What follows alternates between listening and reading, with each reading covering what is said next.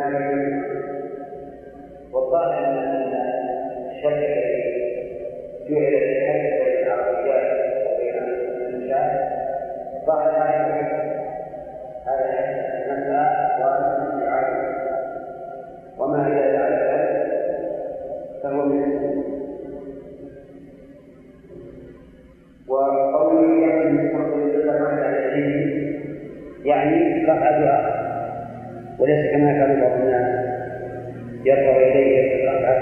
التكبير يعني كانما يكبر في الصلاه يقول هكذا لا وإنما يقول هكذا يرفع يديه ويذكر الله ويتوب والأفضل أن يفعل ما ورد عن النبي صلى الله عليه وسلم.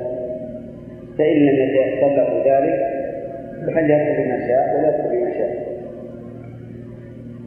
والسنة للرجل أن يسعى بين العالمين الأكبرين سعيا شديدا يعني يركض ركضا شديدا حتى إن النبي عليه الصلاة والسلام كان يسعى وإن وإزاره تدور به من شدة السعي.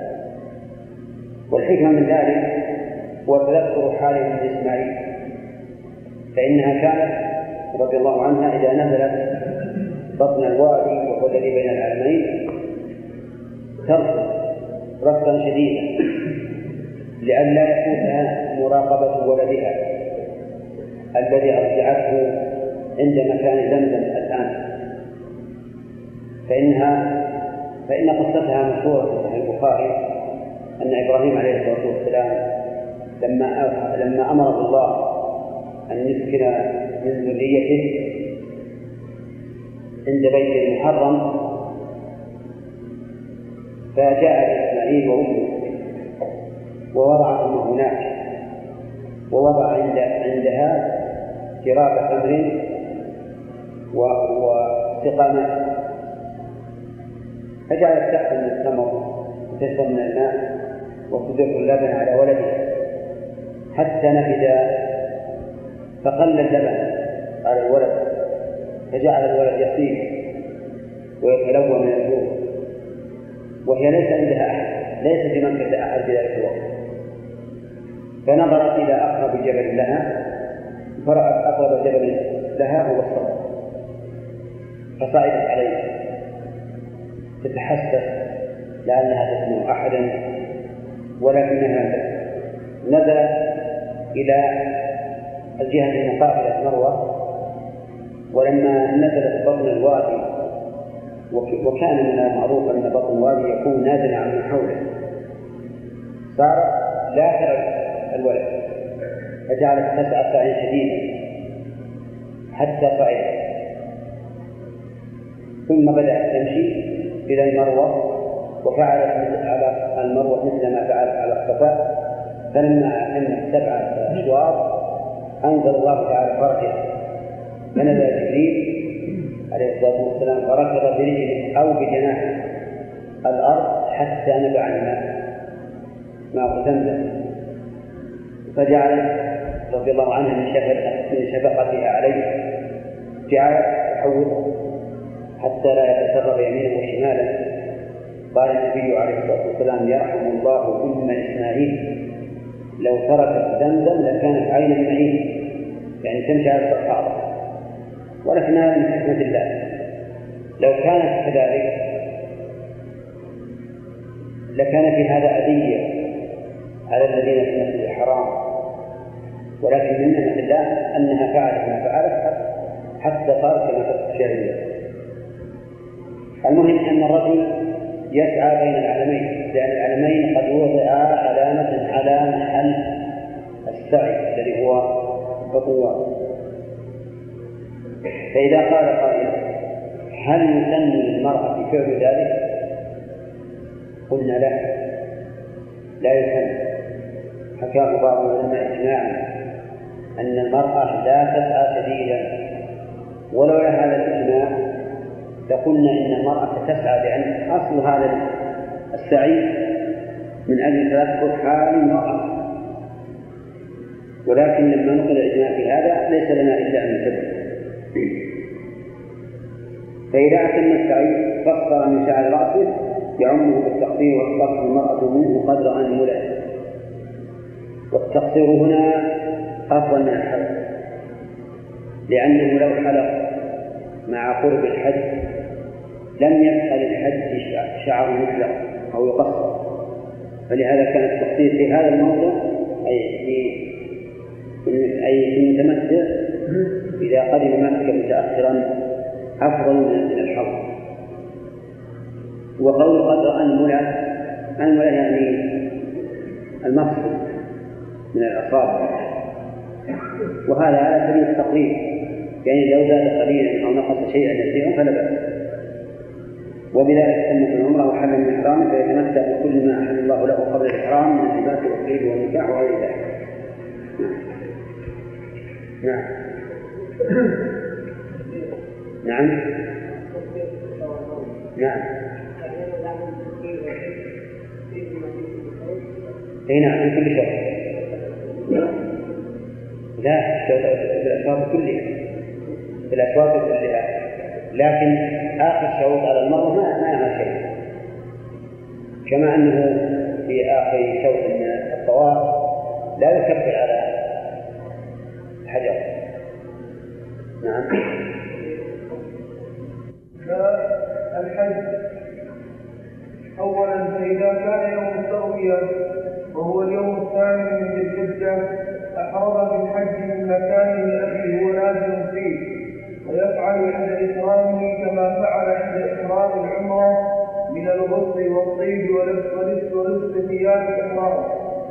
ثانيا إذا كان من التروية وهو اليوم الثامن وسمي يوم التروية لأن الحاج يتروون فيه الماء فاليوم الثامن هو يوم التروية واليوم التاسع يوم عرفة والعاشر يوم النحر والحادي عشر يوم الفرق والثاني عشر يوم يوم النحر الأول والثالث عشر يوم النحر الثاني. هذه الأيام كلها لها أحداث. رحمك الله. ستة أيام للحج كلها لها أسماء التروية والعرفة والنحر والقر والنفع الأول والنفع الثاني. نعم. ثانيا. فإذا أحمد الحج من مكانه. يعني لا حاجة أن يذهب كما قال بعض العلماء.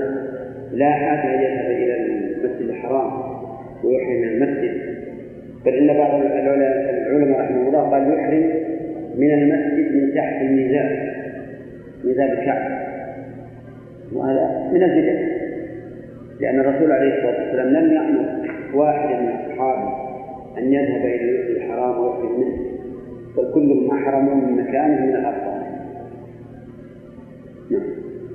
ثانيا فإذا فرغ من ذلك نوى الدخول في الحج فيقول فيقول لبيك اللهم لبيك لبيك لا شريك لك لبيك إن الحمد والنعمة لك والملك لا شريك لك لبيك اللهم حجا يرفع الرجل صوته بذلك يرفع الرجل صوته بذلك وتكفيه المرأة ويسن الإكثار من التلبية حتى يوم جمرة العقبة يوم العيد فيقطعها ثالثا ثم يخرج إلى منى فيصلي. واختلف العلماء هل يلبي وهو نازل في عرفة؟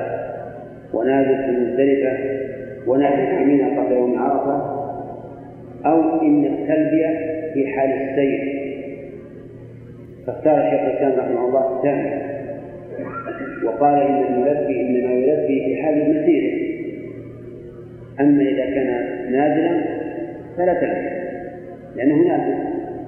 الملبي هو الذي يسير. يعني يقول أتيتك يا ربي أتيتك يا رب. ولكن المشهور من المذهب أنه يلبي سواء كان سائرا أم نازلا.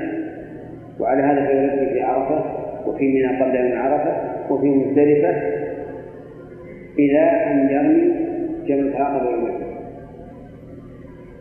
نعم. ويسلم نعم. ويوم الرسول التي يوم نعم. لا ليس. لكن الإظهار لما في قلبه. لأن التلفظ بالنية أن يقول اللهم إني نويت أن أخذ نويت أن أعتمد وأما إظهار ما في قلبه لبيان هذه الشعيرة فليس من هذه نعم. نعم. لبيك عنك. نعم. هنا لا ما ينوي بقلبه عن فلان ثم يقول لبيك عن فلان. نعم. ليش؟ ليش؟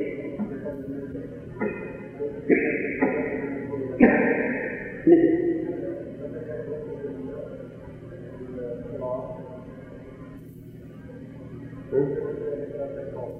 ما الأفراد ما أيوة إلا مثل لأنه إذا تحول من قران إلى إفراد قد تحول من فاضل إلى دون لأن القرآن يحصل فيه انتفاع نعم.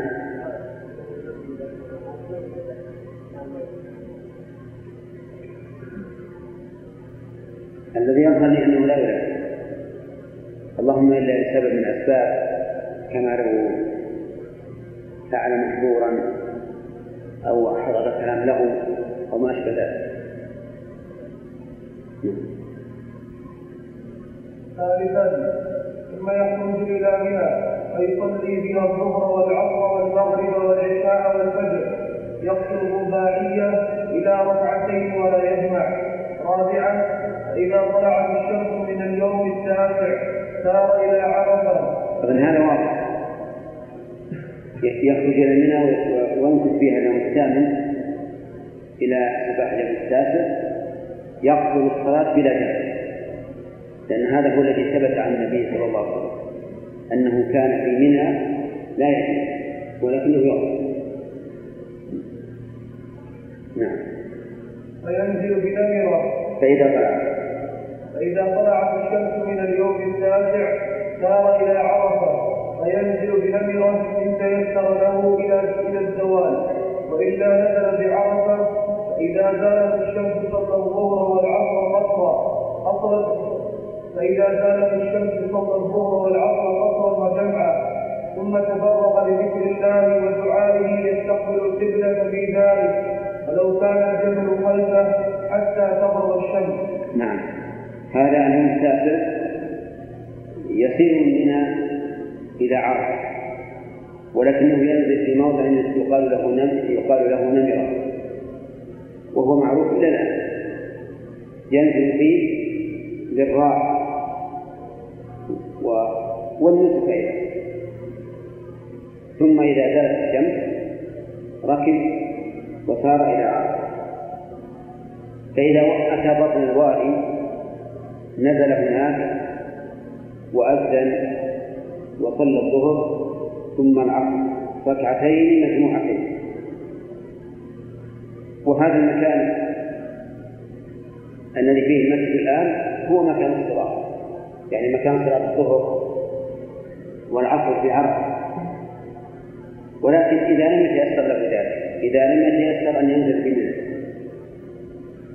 ولا أن يصلي في مسجد عرفة فإنه لا حرج عليه أن يستمر حتى ينزل عرفة ويصلي الظهر والعصر في المكان الذي نزل فيه.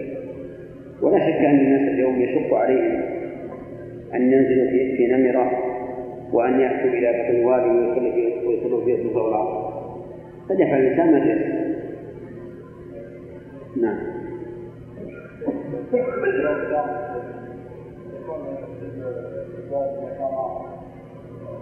وكل حاجة بينهم يصلون نعم. يعني الطيب يكون لا هم لا يسمعون النداء إلا بمكبر الصوت. وهذا لا علاقه ثم اللي يذهب الان إلى مسجد. ما يجد مكان يكون مملوءا من الرجال وفيه نوع من المشقة. نعم. ولهذا لم ينكر النبي عليه الصلاة والسلام على الرجلين الذين قال صلينا في رحال في منى. لكنه أمرهما إذا صليا في رحالهما ثم أتيا مسجد الجماعه أن يصليا معا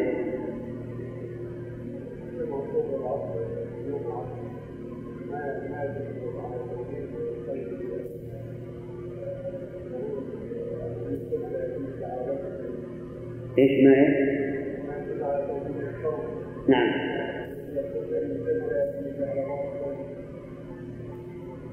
الجمع في عرفة ليس من أجل السفر. الجمع في عرفة من أجل الجماعة. لأن الناس لو تفرقوا في مواطنهم. لم يحصلوا على الجماعة. والجمع من أجل الجماعة مشروع. ولهذا إذا حصل مطر أو برد شديد أو ما أشبه ذلك فإن الناس يجمعون في البلد وهم مقيمون لأجل تحصيل الجماعة ولولا ذلك لقلنا كل واحد يصلي في بيته إذا دخل الوقت. فالجمع في عرفة ومزدلفة من أجل حصول حصول هذا الجمع الكبير واجتماع الناس على إمام واحد. نعم. ها؟ لا ليس ليس ليس نعم. نعم. فإذا غربت الشمس سار إلى مزدلفة فصلى بها المغرب ثلاثا والعشاء ركعتين ويبيت طيب عندما يقول ثم يتفرع لذكر الله ودعائه يستقبل القبلة في ذلك ولو كان الجبل خلفه خلافا لما يفعله العالم الآن يستقبلون الجبل. والقبلة خلفه أو على أيمانهم أو على شمائلهم. ولكن النبي عليه الصلاة والسلام استقبل القبلة. ولكنه صلى الله عليه وسلم وقف في مكان إذا استقبل القبلة فيه صار الجبل بين بين يديه. هذا الجبل يسمى جبل عرب. وبعض العلماء أطلق عليه جبل الرحم ولكنني لا أعلم هذا في شيء من السنة وإنما يسمى جبل عرفة ومن أجل تسميته جبل الرحمة عند بعض الفقهاء. صارت العامة يذهبون إلى هذا الجبل ويظنون أنه لا وقوف إلا لمن وقف عليه. وتجدهم يكتبون كتابات ويعلقون خرقا وأشياء كثيرة من البدع. والظاهر والله أعلم أن هذا بناء على تسميته بجبل الرحمة. طيب ويقول يستقبل القبلة في ذلك ولو جبل خلفه ويتفرغ للدعاء. أحيانا بل كثيرا مو أحيانا. يمل الإنسان من الدعاء يعني لو لو جلس يده إلى من صلاة الظهر والعصر جامع تقديم إلى غروب الشمس لتعب ومل. فنقول له اجلس واستقبل القبلة واستغفر وكبر وادعو الله. وإذا مللت فلا حرج أن تقوم تشتغل في أشياء أو تتمشى. أو تنام وأهم شيء عشية أهم شيء يعني أن يكون في آخر النهار متفرغا للدعاء نعم.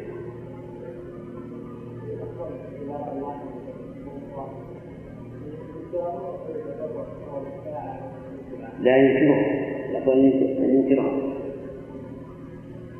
فإن الرسول عليه الصلاة والسلام يفتي الناس وهو واقف وأمر الذين آه، أمر الناس أن يغسلوا هذا الرجل الذي وقفته ناقته وهو من وهو من العبادة. الأمر المعروف عن المنكر من أفضل العبادات نعم؟ الدعاء لا أصل له ولا لأن لأن هذا يحدد ما يدعو به الإنسان. ولو جعل الإنسان نفسه يدعو الله تعالى أن أحد ومحتاج إليه كان نعم. خامسا فإذا غربت الشمس سار إلى مختلفة. فصلى بها المغرب ثلاثا والعشاء ركعتين ويبيت بها. فإذا صلى الفجر اشتغل بذكر الله ودعائه حتى يصبر جدا.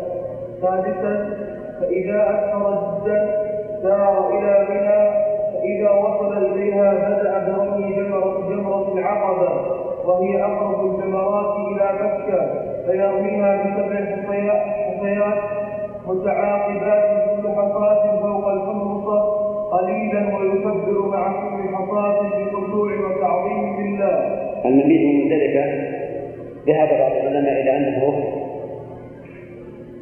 لأن لقوله تعالى فإذا أفضتم من عرفات فاذكروا الله عند المشعر الحرام.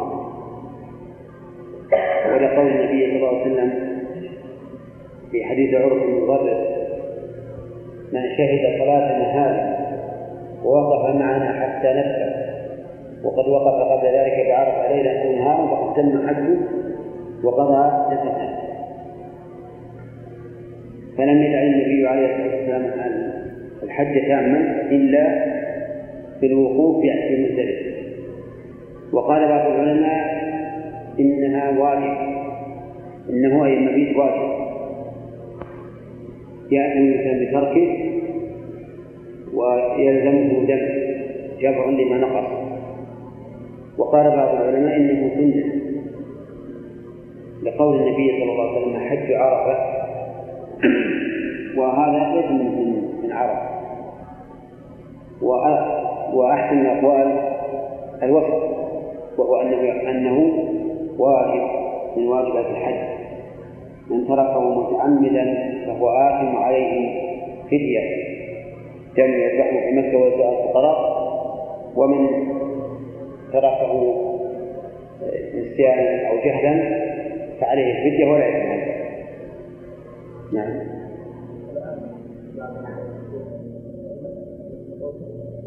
الرسول يتتبعون الرسل. وقد قال بعض العلماء إن ذكر الله عند المسجد الحرام يجزئ عنه صلاة المغرب وصلاة الليل وأن لكن هذا صحيح. في هذه وصلاة إلا إذا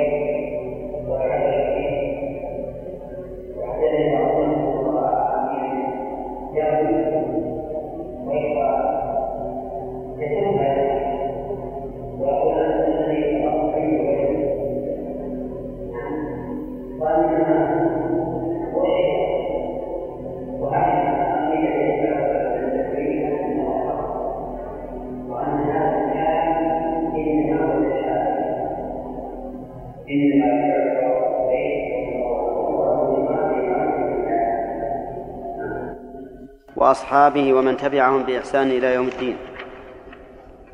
آه، متى يخرج الحاج إلى منى؟ متى يخرج إلى منى؟ من مكة إذا أراد الحج. نعم. السؤال متى يخرج إلى منى إذا أراد الحج نعم في صباح يوم التروية. ما هو يوم التروية؟ اليوم الثامن. طيب وماذا يصنع قبل خروجه؟ نعم. إيه لكن ماذا يصنع عند الإحرام؟ ماذا يصنع عند الإحرام؟ فقط؟ نعم. نعم. يعني يغتسل ويتطيب ويلبس الإحرام. نعم طيب. هل يطيب إحرامه؟ لا يطيب. لقول النبي صلى الله عليه وسلم لا تلبسوا ثوبا مسه زعفران ولا الورس طيب. آه، ينزل في منى إلى متى؟ خليل.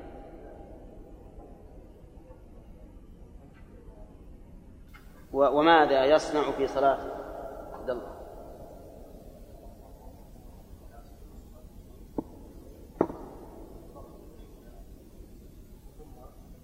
العشاء قصرا أو تماما؟ نعم. طيب إذا يكون في منى قصر يصلي قصرا بلا بلا جمع تمام. و هل يشرع دعاء أو استغفار يا عبد الله بعد بعد أن يصلي الفجر يوم عرفة؟ نعم. لا يشرع. تمام. يعني عادة كسائر الأيام. كأني بك لست جازم ها؟ يعني لا يشرع أن أن يتفرغ للذكر والدعاء كما يفعل في يوم في صلاة العيد في مزدلفة.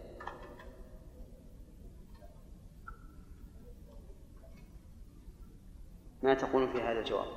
أهو جواب متردد أو جازم؟ نعم. لا نريد ذكر دعاء. ما في ذكر ولا دعاء. يعني كسائر الأيام. تمام. طيب. إذا طلعت الشمس فإنه يسير إلى عرفة بدر.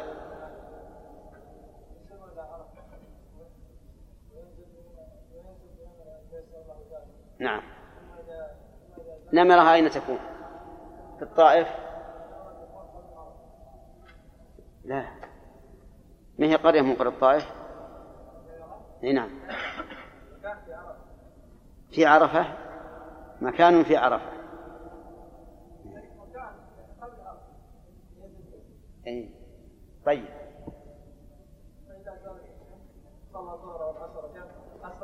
نعم. طيب.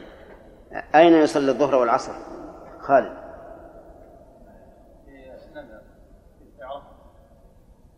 في عرفات؟ في مخالف. نعم. زهير. نعم. أين يصلي الظهر والعصر؟ الجواب هذا خطأ. في وادي في الوادي الذي بين نمرة وعرفة وهو محل محل المسجد الآن. أنا قلت لكم أن المسجد الآن هو المكان الذي صلى فيه الرسول صلى الله عليه وسلم. لكن الجانب الشرقي منه داخل عرفة والغربي خارج عرفة لأن الشرقي هذا قد زيد فيه بعد ذلك. طيب. هل الجمع يا ناصر تقديم أو تأخير في عرفة؟ ها؟ ما الحكمة من الجمع؟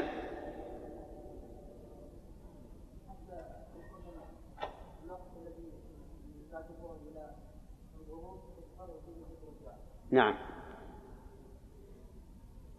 تفرغ فيه للذكر والدعاء؟ لكن لما ألم ألا يمكن أن يقول قائل يصلي الظهر في وقتها ويبقى داعيا لله عز وجل وإذا جاء وقت العصر صلى.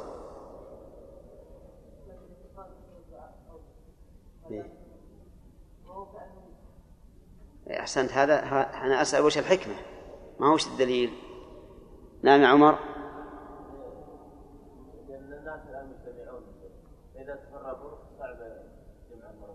أحسنت. هذه من الحكم أن الناس الآن مجتمعون فينبغي أن يكونوا جماعة واحدة. طيب لو أن الإنسان لحقه ملل في عرفة يعني بقي من بعد الظهر إلى إلى الغروب فيه ملل تعب.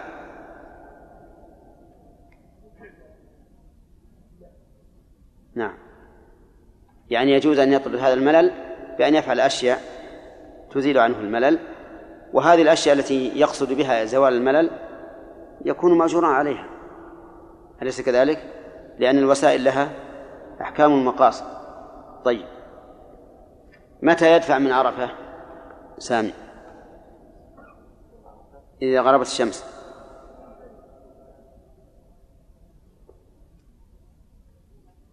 طيب هل خالف النبي صلى الله عليه وسلم المشركين في هذا؟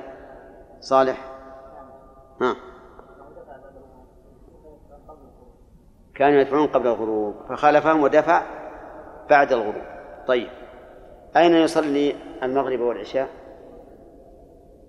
مزدلفة وين تأخر. حتى لو لم يصل إلا الفجر؟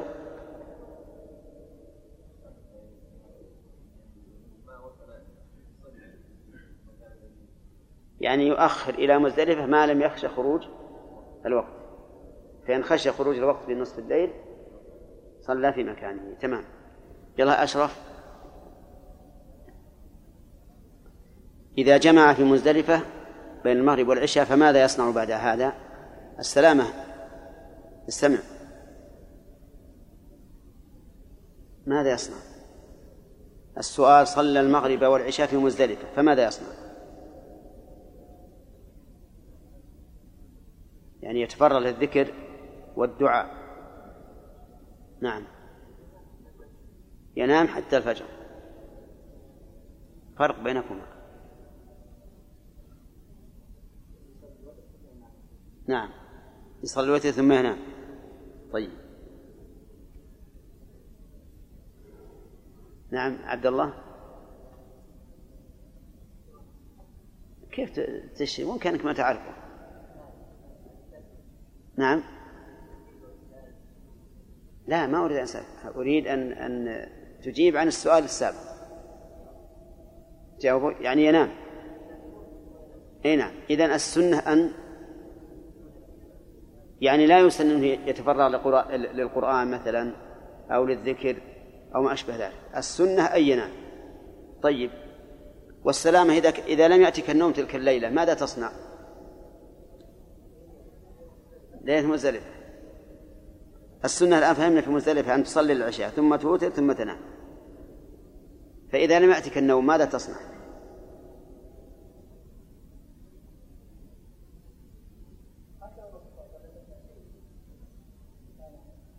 بس النبي عليه الصلاة والسلام يقول جابر اضطجع حتى صل حتى طلع الفجر فماذا تصنع أنت لو لم يأتك النوم ها؟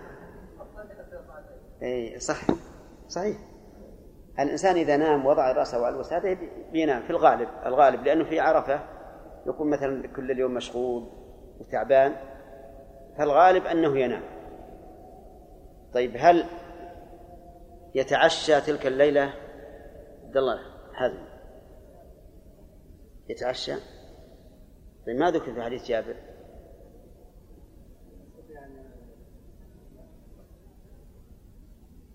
نعم. أي. أي نعم. لأن هذا ليس مما يتعبد به حتى يذكر ولهذا كان ابن مسعود رضي الله عنه إذا وصل إلى مزدلفة صلى المغرب ثم دعا بعشائه ثم بعد العشاء يصلي العشاء. ابن مسعود صح عنه ذلك في البخاري. ومعلوم أن العشاء لا بد منه. طيب. وبعد أن يطلع الفجر في يوم النحر ماذا يصنع؟ نعم. قبل الصلاة يذهب إلى المشعر؟ بعد الصلاة. يتفرغ للدعاء والذكر إلى نعم. أحسنت. تمام. هل يجوز الدفع قبل الفجر؟ فهل. يجوز للضعف. الذين يشق عليهم آه، مزاحمة الناس. طيب. وما هو الحد الذي يجوز فيه الدفع؟ موسى. ما هو الحد الذي يجوز فيه الدفع؟ كيف ما هو قاعد هذا في مزدلفة يا شيخ. في مزدلفة. يبقى إلى إلى طلوع إلى طلوع الشمس. إيه لكن قال الأخ فهد أنه يجوز للضعفاء أن يدفعوا قبل ذلك. خوفا من مزاحمة الناس. فما هو الحد؟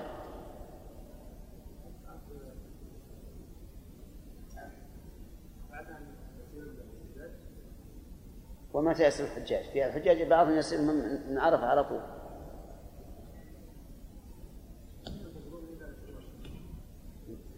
ما محمد ها؟ بعد مضي ثلثي الليل طيب ما هو الدليل؟ أنه صح عن أسماء بنت أبي بكر أنها ترقب غروب القمر فإذا غرب دفعت والقمر لا يغيب في الليلة عشرة إلا من الثلثين فأكثر فأكثر طيب حده بعض العلماء بماذا يا آدم؟ بعض العلماء حده بإيش؟ بالنسبة للذهاب من عرف من مزدلفة إلى منى لا حد متى نحن الآن قلنا بعد مضي ثلث الليل بعد مضي ثلثي الليل بعض العلماء حده بإيش؟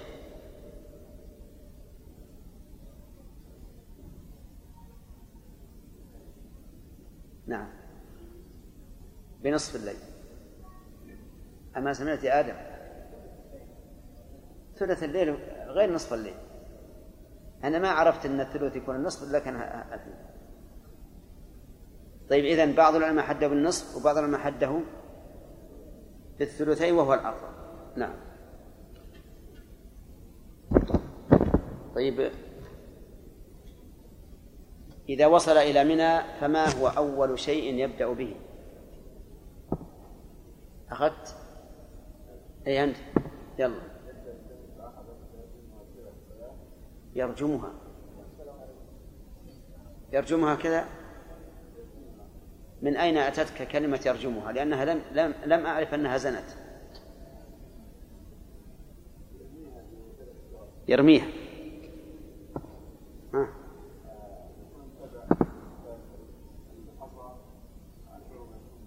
نعم.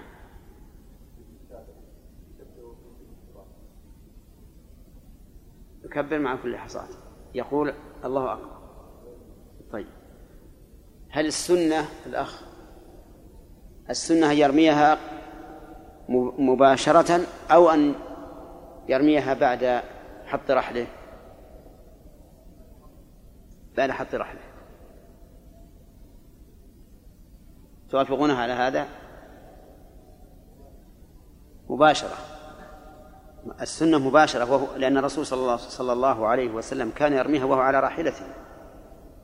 وقال العلماء إن رمي جمرة العقبة يوم العيد هو تحية منى. والتحية تكون قبل كل شيء. طيب. أين يقف عند رميها؟ عبد الله أفغاني نعم.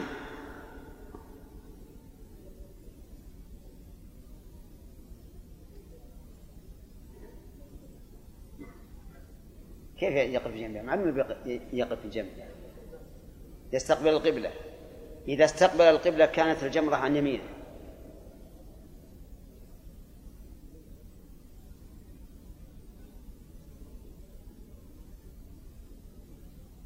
أخذت؟ يلا. إيش؟ لا أن نريد أن نعرف المكان المسنون وبعدين نفصل.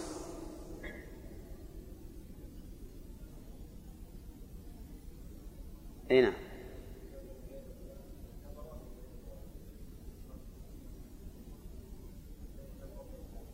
لكن أين يكون وجهه؟ نعم. لا ما في دعاء يوم العيد. ما في دعاء بعد بعد الرمي إيه. قبل حين الرمي أين يتجه؟ جهة إيش؟ لا لا تكلم ها. جهة الشمال. أنا ما أعرف أين أين تقع جمرة العقبة. هل يقف هل يقف يكون وجهه إلى إلى الجمرة أو إلى القبلة؟ إلى الجمرة. والقبلة؟ عن يساره. ومنى هو؟ لا لا. لاحظوا إن, إن جمرة العقبة هي منتهى منى يعني اللي, اللي وراه من جهة مكة ما هو منى أين تكون منى؟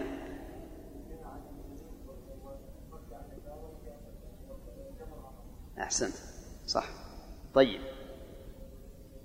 لو شق عليه هذا المكان يا خالد بن سالم شق عليه هذا المكان.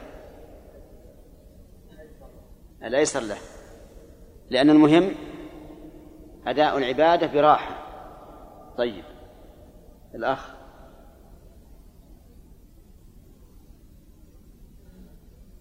يعتقد العامة في رمي الجمرات. يا إيش؟ نعم. والصحيح؟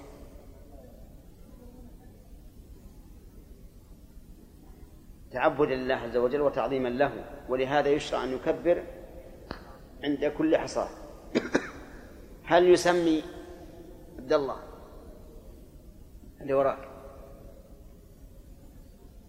ها؟ يقول بسم الله والله أكبر ولا يكبر فقط؟ بسم الله والله أكبر. كما يذبح الشاة. يعني كما يكون عند ذبح الشاة يقول بسم الله والله أكبر. كذا؟ نعم. لا يسمى وإنما يكبر فقط. صح.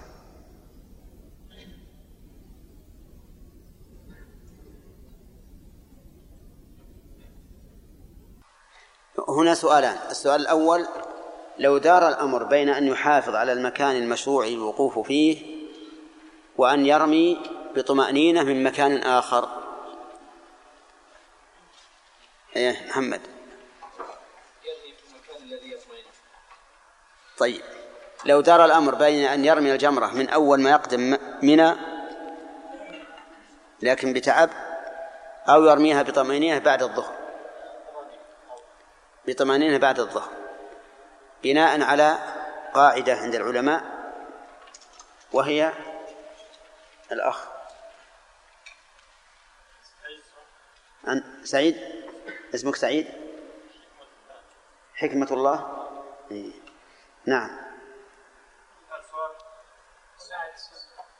ها؟ هو ما يعرف العربية زين؟ لا أعرف السؤال السؤال قلنا إنه إذا دار الأمر بين أن يرمي بطمأنينة بعد الظهر يعني لا, لا في أول وقت أو في أول وقت لكن مع المشقة أو أن وبين وكذلك أيضا بين أن يرمي من المكان المسنون أو من مكان آخر مع التيسر. قلنا الأفضل ما تيسر له. فهل هذا مبني على قاعدة؟ ما هي؟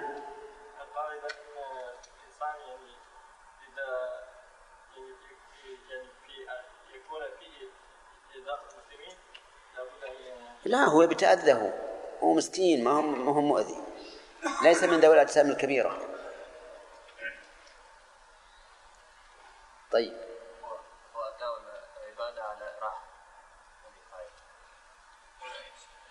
لا ما هي القاعدة من؟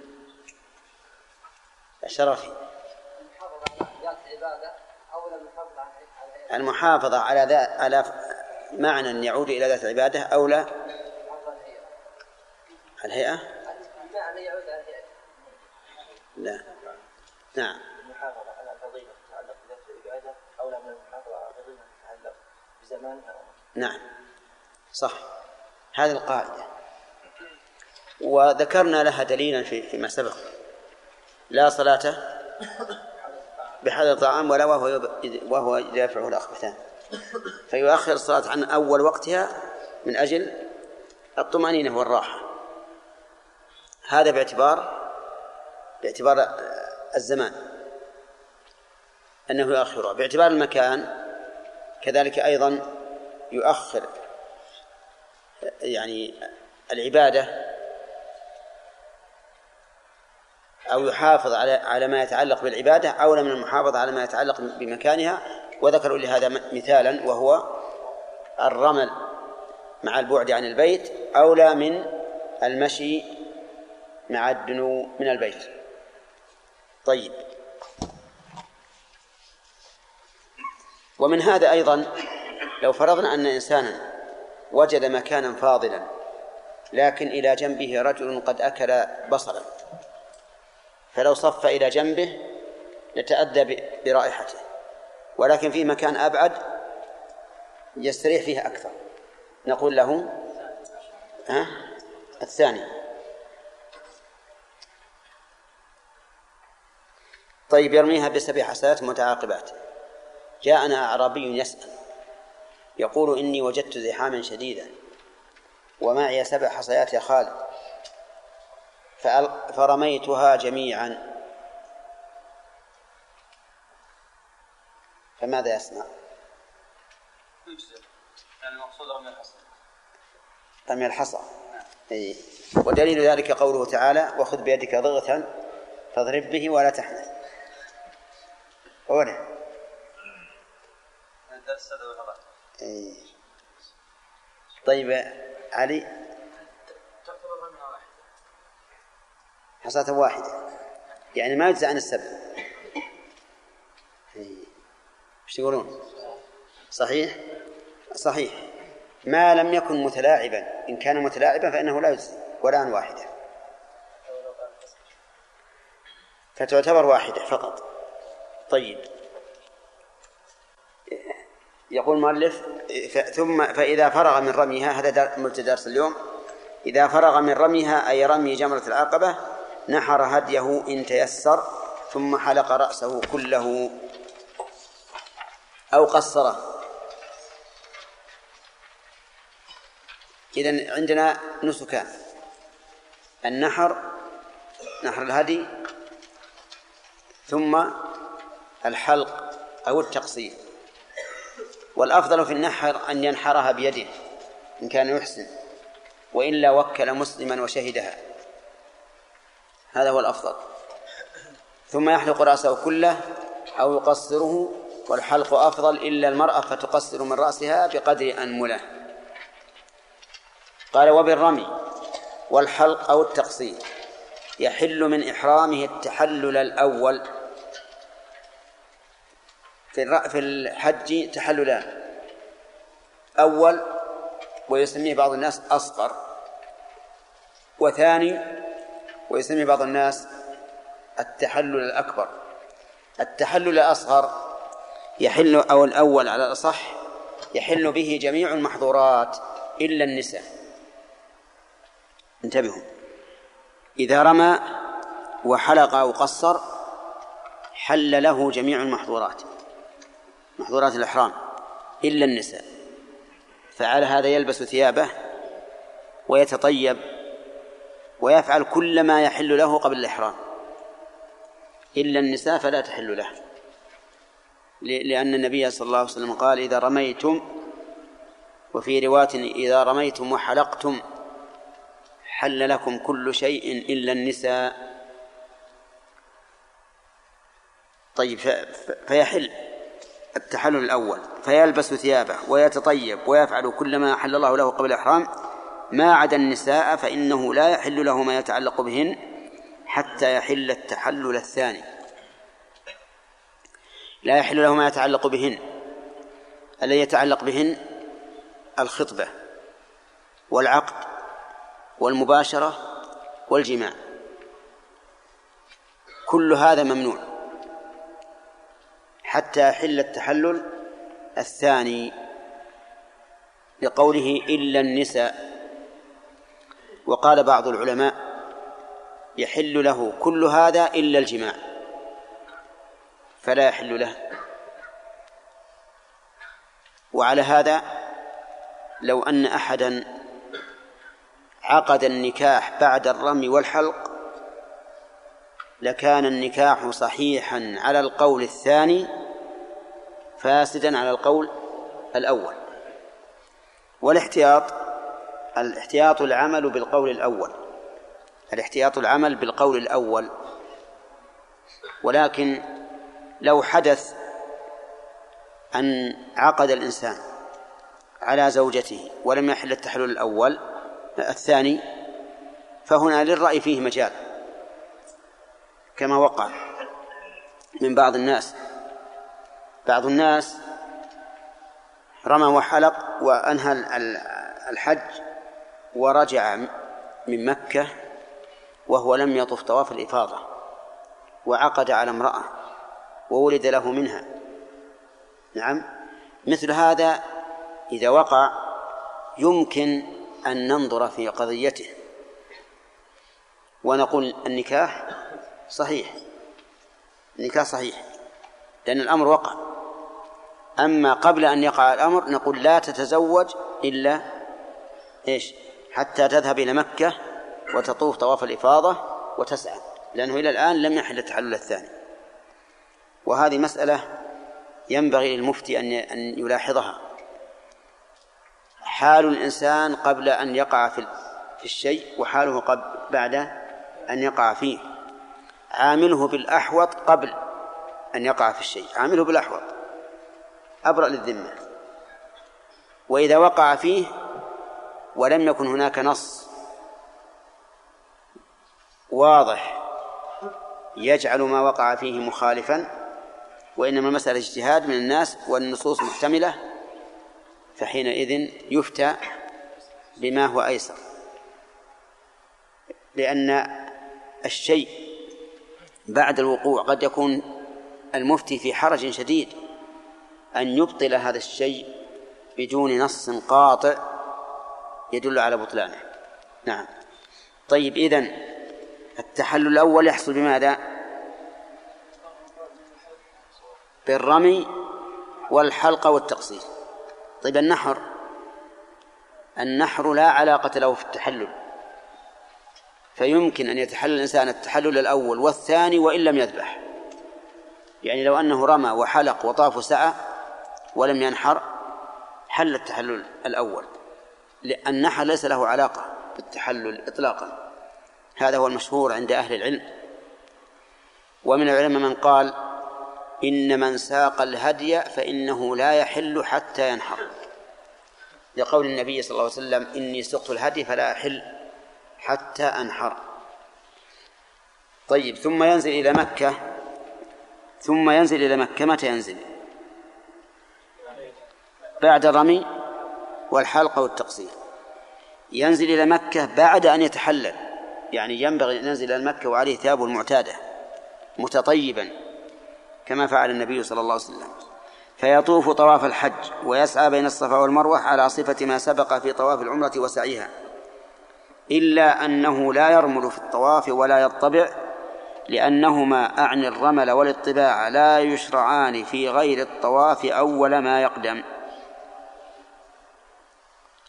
عرفتم الآن؟ طيب. بقي مسألة وهي أنه لو أخر الطواف والسعي وغابت الشمس هل يحل أو لا يحل؟ غابت الشمس يوم العيد فهل يحل أو لا؟ كيف؟ الأول حل رمى وحلق وحل التحل الأول ولكنه لم يطف طواف الإفاضة ولم يسعى حتى غابت الشمس. فهل يحل التحلل الثاني أو لا يحل؟ لا يحل. ليش؟ لأنه لا يحل حتى يطوف ويسعى. إذا طاف وسعى حل. هل يجوز أن يؤخر الطواف والسعي إلى ما بعد العيد؟ الجواب نعم. له أن يؤخر الطواف والسعي إلى آخر يوم من ذي الحجة لكنه لا يحل لا يحل له النساء لأنه لم يحل التحلل الأول. صح؟ أو الثاني؟ لم يحل التحلل الثاني. آه، مسألة إذا غابت الشمس وهو لم يطف ولم يسعى فهل يعود حراما؟ يعني بمعنى هل يعود عليه إحرامه أو لا؟ لا يعود عليه إحرامه. هذا الذي عليه أهل العلم وأئمة الفتوى. وأما ما يروى عن النبي صلى الله عليه وسلم من أنه إذا غربت الشمس ولم يطف طواف الإفاضة فإنه يعود حراما أي محرما فإنه حديث شاذ. شاذ متنا ضعيف سندا فلا يعمل عليه. وعائشة تقول رضي الله عنها كنت أطيب النبي صلى الله عليه وسلم لإحرامه قبل أن يحرم ولحله قبل أن يطوف بالبيت فأثبتت له الحل قبل الطواف. ومعلوم أن الإنسان إذا حل من العبادة لا يمكن أن يعود إليها إلا بعد عقدها مرة أخرى. وهذا لم يعقدها مرة أخرى. والحديث الوارد في هذا حديث ضعيف. لم يعمل به أحد إلا إن صح عروة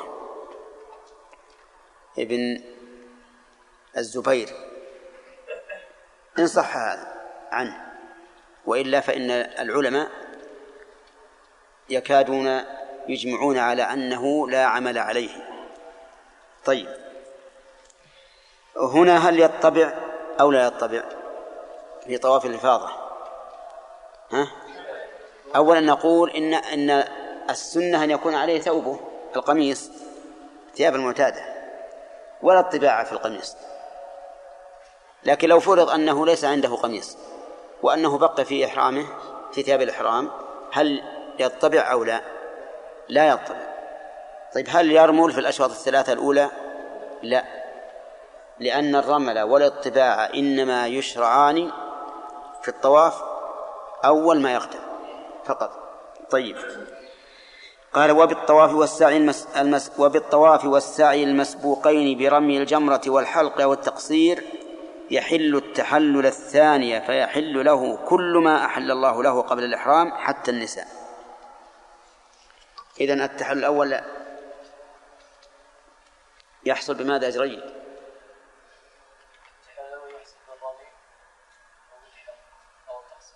والثاني؟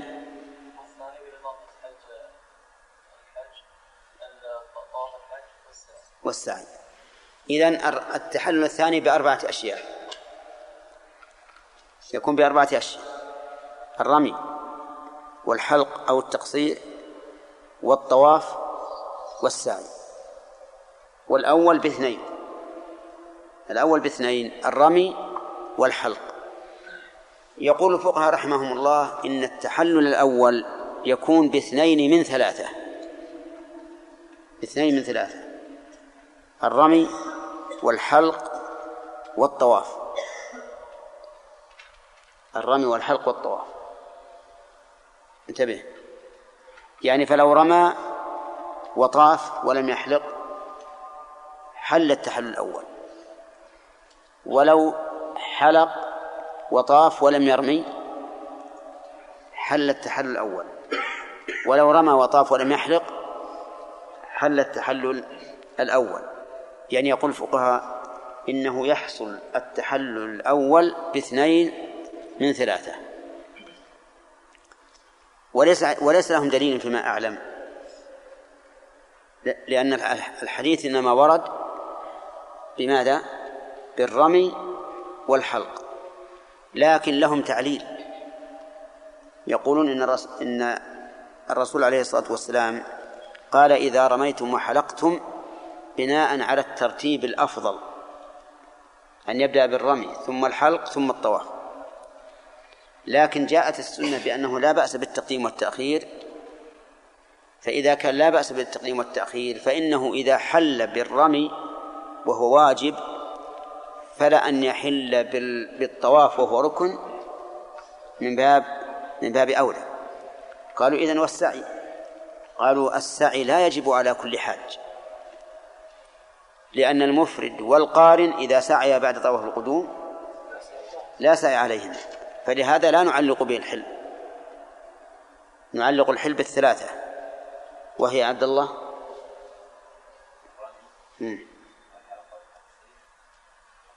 والطواف. يقول إذا فعل اثنين منها حل التحلل الأول والاحتياط أن لا يحل إلا بالرمي والحلق. هذا الاحتياط. طيب. يقول وخلاصة ما يفعل من الأنساك يوم العيد ما يلي. انتبهوا لهذا. رمي جمرة العقبة. نحر الهدي. الحلقة والتقصير. الطواف والسعي. كم هذه؟ خمسة. خمسة. لكن لو جعل السعي وحده كان أحسن. والسنة أن يرتبها هكذا. وإن لم يتيسر له فقدم بعضها على بعض فلا حرج. وهذه من نعمة الله عز وجل. الآن السنة أن يرمي الجمرة. ثم يلا امشي معي. يحلق ويقصر خطأ. ثم ينحر ثم يحلق ويقصر ثم يطوف ثم يسعى خمسة. هذه هذا هو السنة. وإن قدم بعضها على بعض فلا حرج لأن النبي صلى الله عليه وسلم سئل يوم العيد في التقديم والتأخير فما سئل عن شيء إلا قال افعل ولا حرج. إلا قال افعل ولا حرج. في بعض الأسئلة ترد عليه يقول السائل لم أشعر ففعلت كذا قبل كذا ويقول حسبت أن كذا قبل قبل كذا. فبعضهم يقول لم أشعر يعني نسيانا بعضهم يقول حسبت يعني جهلا. فهل نجعل الحكم منوطا بالجهل أو النسيان؟ ونقول إن الإنسان إذا لم يرتب هذه الخمسة جاهلا أو ناسيا فلا حرج وأما إذا كان عامدا فعليه الحرج لقول النبي صلى الله عليه وسلم خذوا عني مناسككم. انتبهوا يا جماعة لأن بعض العلماء كابن دقيق العيد رحمه الله في شرح عمدة الأحكام أكد على هذا وقال إن الجواب مبني على سؤال ذكر فيه وصف مناسب للحكم. ما هو الوصف المناسب؟ الجهل أو النسيان؟ السائل يقول لم أشعر والثاني يقول حسبت أن كذا قبل كذا. وهذا وصف مناسب للرخصة. فيكون الحكم خاصا بمن كان إيش؟ جاهلا أو ناسيا. وإلى هذا ذهب بعض العلماء ومنهم ابن دقيق وأكد هذا. ولكن الصحيح أنه لا يشترط لقوله افعل ولا حرج وافعل للمستقبل. ولو كان هذا ممنوعا في المستقبل لقال له كما قال لأبي بكرة زادك الله حرصا ولا تعد. لقال لا حرج ولا تعد. فلما قال افعل ولا حرج علم أن ذكر عدم الشعور أو الجهل إنما هو حكاية للواقع فقط وأن الجواب على الإطلاق. وعليه فإذا قدم بعضها على بعض ولو كان عالما ذاكرا فلا حرج. طيب هل نقول لما كان الأمر واسعا يفعل الإنسان ما هو أخف وأيسر له؟ نعم. أرى هذا. أنه ما دام الأمر واسعا فليفعل ما هو أيسر له. فإذا قال أنا أحب أن أنزل من مزدلفة إلى مكة على طول لأطوف طواف الإفاضة لأنه في الصباح يكون المسجد الحرام والمسعى أخف. ثم أخرج إلى منى وأرمي وأنحر وأقصر أو أحلق. ماذا نقول له؟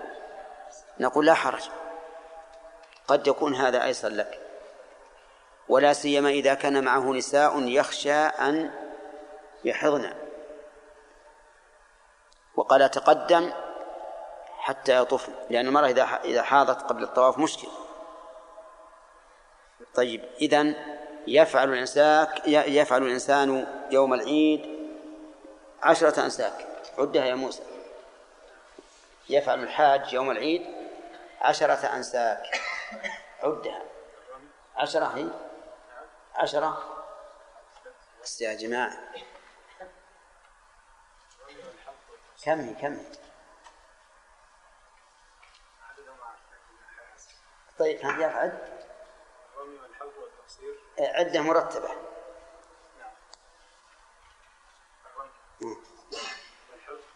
لا. نعم الرمي والنحر نعم. والحلق والتقصير؟ هو الحلق والتقصير. والحلق. والتقصير. نعم. سدد.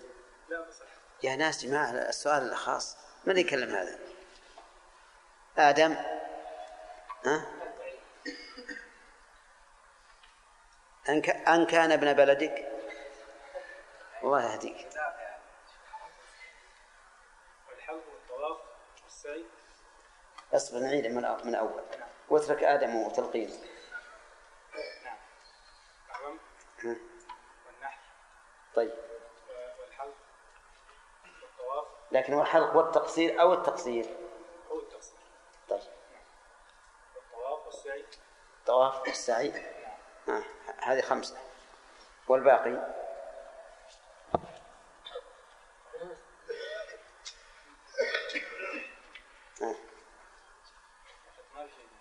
ما في شيء صح طيب هذه الخمسة مرتبة على النحو الذي سمعته. هل يجوز أن يقدم بعضها على بعض؟ يجوز. نعم. ولو بلا عذر على قول الراجح. طيب بقي عندنا السعي. هل يقدم على الطواف أو لا؟ المشهور عند المذاهب الأربعة أنه لا يقدم على الطواف لأن السعي تابع للطواف. والصحيح أنه يقدم لأنه ورد سؤال عنه بذاته على رسول الله صلى الله عليه وسلم حيث قال السائل سعيت قبل أن أطوف. قال لا حرج سعيت قبل أن أطوف. وهذا نص في السعي لكن سبحان الله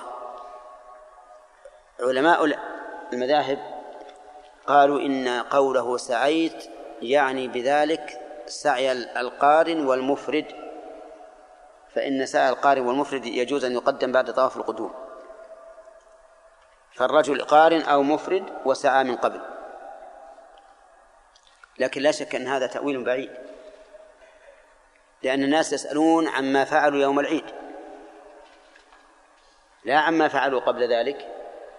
ثم إن سعي القارئ والمفرد بعد طواف القدوم لا يحتاج إلى السؤال عنه. لأن هذا أمر معروف. والرسول عليه الصلاة والسلام سعى بعد طواف القدوم ولم يسعى يوم العيد.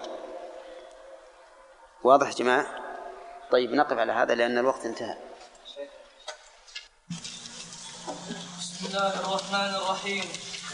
إن الحمد لله نحمده ونستعينه ونستغفره ونعوذ بالله من شرور أنفسنا ومن سيئات أعمالنا. من يهده الله فلا مضل له ومن يضلل فلا هادي له وأشهد أن لا إله ورسوله صلى الله عليه وآله وسلم. قال المصنف غفر الله له ولوالديه ونفع به. سابعا ويبيت بمنى ليلة الحادي عشر والثاني عشر. ثامنا ويرمي الجمرات الثلاث في هذين اليومين بعد الزوال. يبدأ بالجمرة الأولى وهي أبعد الجمرات عن مكة فيرميها بسبع حصيات متعاقبات ويكبر مع كل حصاة. فإذا فرغ منها تقدم قليلا عن الزحام فوقف مستقبلا القبلة رافعا يديه يدعو الله تعالى بما أحب دعاء طويلا. ثم يرمي الجمرة الثانية ويقف بعدها للدعاء كما فعل في الأولى سواء ثم يرمي الجمرة الثالثة وهي جمرة العقبة التي رماها يوم العيد كما رمى الجمرتين قبلها ولا يقف بعدها للدعاء. تاسعا فإذا أتم رمي الجمرات الثلاث في اليوم الثاني عشر فإن شاء تأخر. الثانية عشر مبني على الفتح. الثانية عشر. فإذا أتم رمي الجمرات الثلاث في اليوم الثاني عشر فإن شاء تأخر في منى لليوم الثالث عشر. ورمى الجمار فيها بعد الزوال. فيه فيه ورمى الجمار فيه بعد الزوال وهو أفضل لأنه فعل النبي صلى الله عليه وآله وسلم وفيه زيادة عمل صالح. وإن شاء تعجل في يومين فخرج من منى في اليوم الثاني عشر قبل الغروب. وينبغي أن يكثر من التكبير والذكر في تلك الأيام. والليالي لقوله تعالى واذكروا الله والليالي. في قول لقوله تعالى واذكروا الله في أيام معدودات. وقول النبي صلى الله عليه وآله وسلم أيام التشريق أيام أكل وشرب وذكر لله عز وجل. وبهذا تمت أفعال الحج. بسم الله الرحمن الرحيم. الحمد لله رب العالمين وصلى الله وسلم على نبينا محمد وعلى آله وأصحابه ومن تبعهم بإحسان إلى يوم الدين. ما هي الأنساك التي تفعل يوم العيد؟ نعم. رتبها. نعم. لا الرمي والنحر والحلق والتقصير والطواف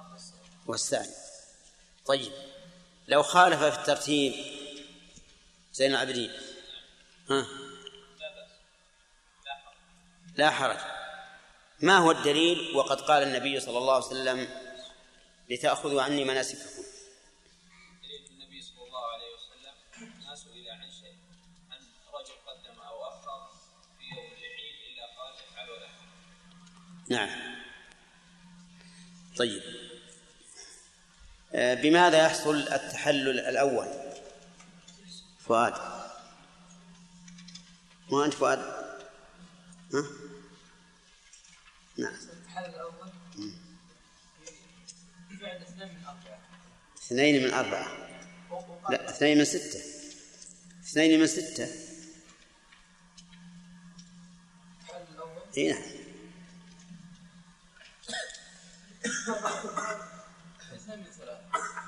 والأولى اثنين من أربعة طيب. يحصل باثنين طيب. بالرمي والحفظ والتقصير. تمام. والنحر لا يدخل فيه. لا يدخل فيه. طيب. بعض العلماء وش يقول؟ بعض الفقهاء يقول يحصل باثنين من ثلاثة. ما هي؟ بالرمي. أو الحلق والتقصير أو الطواف والسعي قد فعل في العمرة الماضية. لغير المتمتع المتمتع ما فعل. طيب. ما وجه كونه يتحلل لواحد من باثنين من ثلاثة بن داود؟ ما وجه كونه يتحلل باثنين من ثلاثة؟ على رأي من, من رأى ذلك.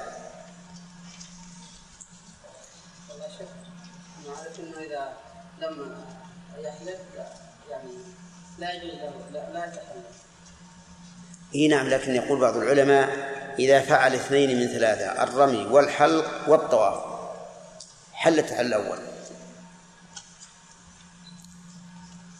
ما وجه ذلك؟ لا حصل الصحابه لما كانوا ياتون يسالون النبي صلى الله عليه وسلم فيقول أحدهم حسبت كذا حسبت اني اقدم حسبت كذا قبل كذا. فقال وسلم بيفعل ولا حرج. طيب. إحنا نسأل ما وجه كونه يتحلل باثنين من ثلاثة مع أن السنة جاءت بالرمي والحلق فقط. الترتيب؟ لا لا. نعم يا فهد. قول النبي صلى الله عليه وسلم رويتم حلقتم هذا مبني على على ثلاث السنة إذا ثبت أنه لا لا يلزم ترتيب فإذا حل الواجب واجب يجوز أن يحل يعني أنه لما كان الطواف له تأثير في التحلل الثاني صار له تأثير في التحلل الأول لأنه إذا جعل النبي عليه الصلاة والسلام الرمي وهو واجب في الحج له تأثير فتأثير الطواف من باب أولى. نعم. لكن مع هذا قلنا أن الأحسن أن لا يتحلل إلا إذا رمى وحلق كما جاء في السنة. طيب. هل يجوز تأخير الطواف إلى الليل؟ بدء. يجوز. الدليل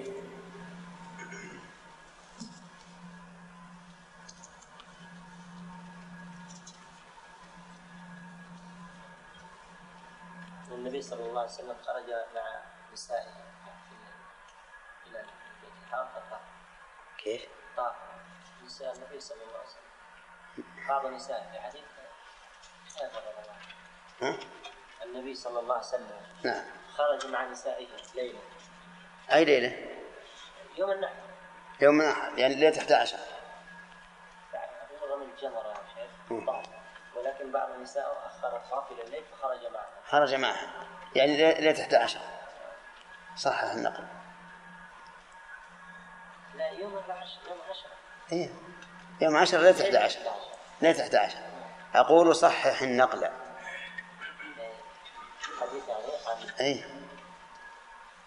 ائتي به غدا إن شاء الله في خلاف لما نقول اذا غربت الشمس من العيد وهو لم يطوف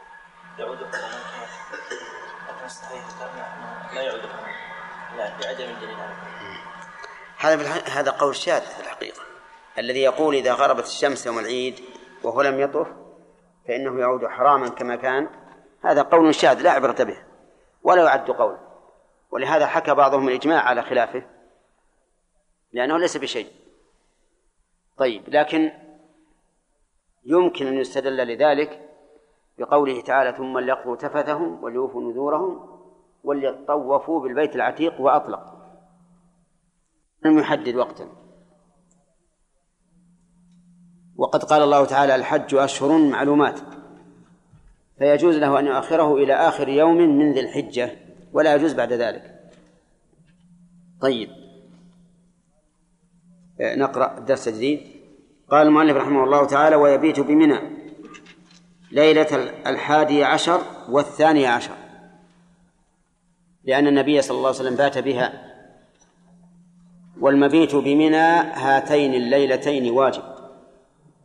ودليل ذلك أن العباس بن عبد المطلب استأذن من النبي صلى الله عليه وسلم أن يبيت في مكة من أجل سقايته فأذن له.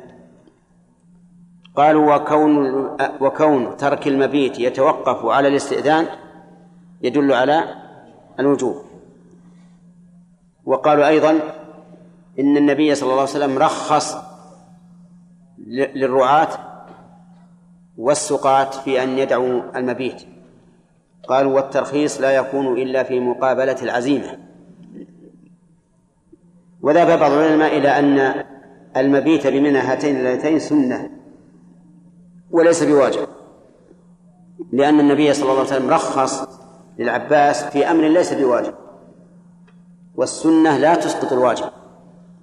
السنة لا تسقط الواجب. وسواء قلنا بأن المبيت واجب أو قلنا إنه سنة فإن من الناس من إذا ترك أحد المبيت ليلة واحدة ألزمه بدم. وفي هذا نظر. وإن كان بعض العلماء قال به لكن فيه نظرا. والصحيح أنه لا يلزمه الدم بترك ليلة. عسى أن نجسر بإيجاب الدم عليه بترك الليلتين جميعا. لأن دليل الوجوب فيهما كما رأيتم دليل هش ليس بذاك القوي فإذا ترك ليلة من الليالي نصحناه وقلنا لا تعد لمثل هذا وتصدق بما تيسر حتى إن بعض العلماء يقول يتصدق بقبضة من طعام. وأظنه مرويا عن الإمام أحمد رحمه الله. يبيت ليلة الحادي عشر والثاني عشر ثمانية ويرمي الجمرات الثلاث في هذين اليومين بعد الزوال. يرمي الجمرات الثلاث في هذين اليومين الحادي عشر والثاني عشر بعد الزوال. أي بعد زوال الشمس بعد منتصف النهار. ولا يجوز قبله لأن النبي صلى الله عليه وسلم لم يرم قبل الزوال. وقال خذوا عني مناسككم. واختيار النبي صلى الله عليه وسلم للرمي. وقت بعد ما بعد الزوال يدل على أنه لا يجوز قبله لأنه لو جاز قبله لكان الرمي في أول النهار أيسر للأمة. لأنه يأتي في وقت البرودة. فعدول النبي عليه الصلاة والسلام عن أول النهار إلى شدة الحر بعد الزوال يدل على أنه لا يجوز قبل ذلك. وقال ابن عمر رضي الله عنهما كنا نتحين فإذا زالت الشمس رمينا ويدل لهذا أيضا وهو الدليل الرابع أن النبي صلى الله عليه وسلم كان يبادر بالرمي بعد الزوال حتى إنه ليرمي قبل أن يصلي الظهر. مما يدل على أنه عليه الصلاة والسلام يترقب بتلهف زوال الشمس. فهذه أربعة أدلة كلها تدل على أن الرمي قبل الزوال لا يجوز. وما يفتي به بعض الناس فهذا من التساهل. يقول يرميها يبدأ بالجمرة الأولى وهي أبعد الجمرات عن مكة. وأظنكم تتصورون الجمرات أنها بالترتيب الأولى ثم الوسطى ثم العقبة. فيرميها بسبع حصيات متعاقبات. يعني واحدة تلو الأخرى ويكبر مع كل حصاة. الله أكبر. وقولنا يرميها هنا وكذلك في جمرة العقبة في يوم العيد يدل على أنه لا يجزئ الوضع. لأن الرمي لا بد فيه من رفع اليد والحذف. أما الوضع بأن يأتي بالحصاة ويضعها وضعا على الحوض فهذا لا يجزئ. لا بد من الرمي كما جاء في الحديث رماه. ويكبر مع كل حصاة فإذا فرغ منها أي من الجمرة الأولى تقدم قليلا عن الزحام فوقف مستقبل القبلة رافعا يديه. يدعو الله تعالى بما أحب دعاء طويلا. حتى إن تقديره جاء في الحديث بقدر سورة البقرة. وهو وقت طويل. و ثم يرمي الجمرة الثانية يعني كما رمى الأولى ويقف بعدها للدعاء كما فعل في الأولى في الأولى سواء.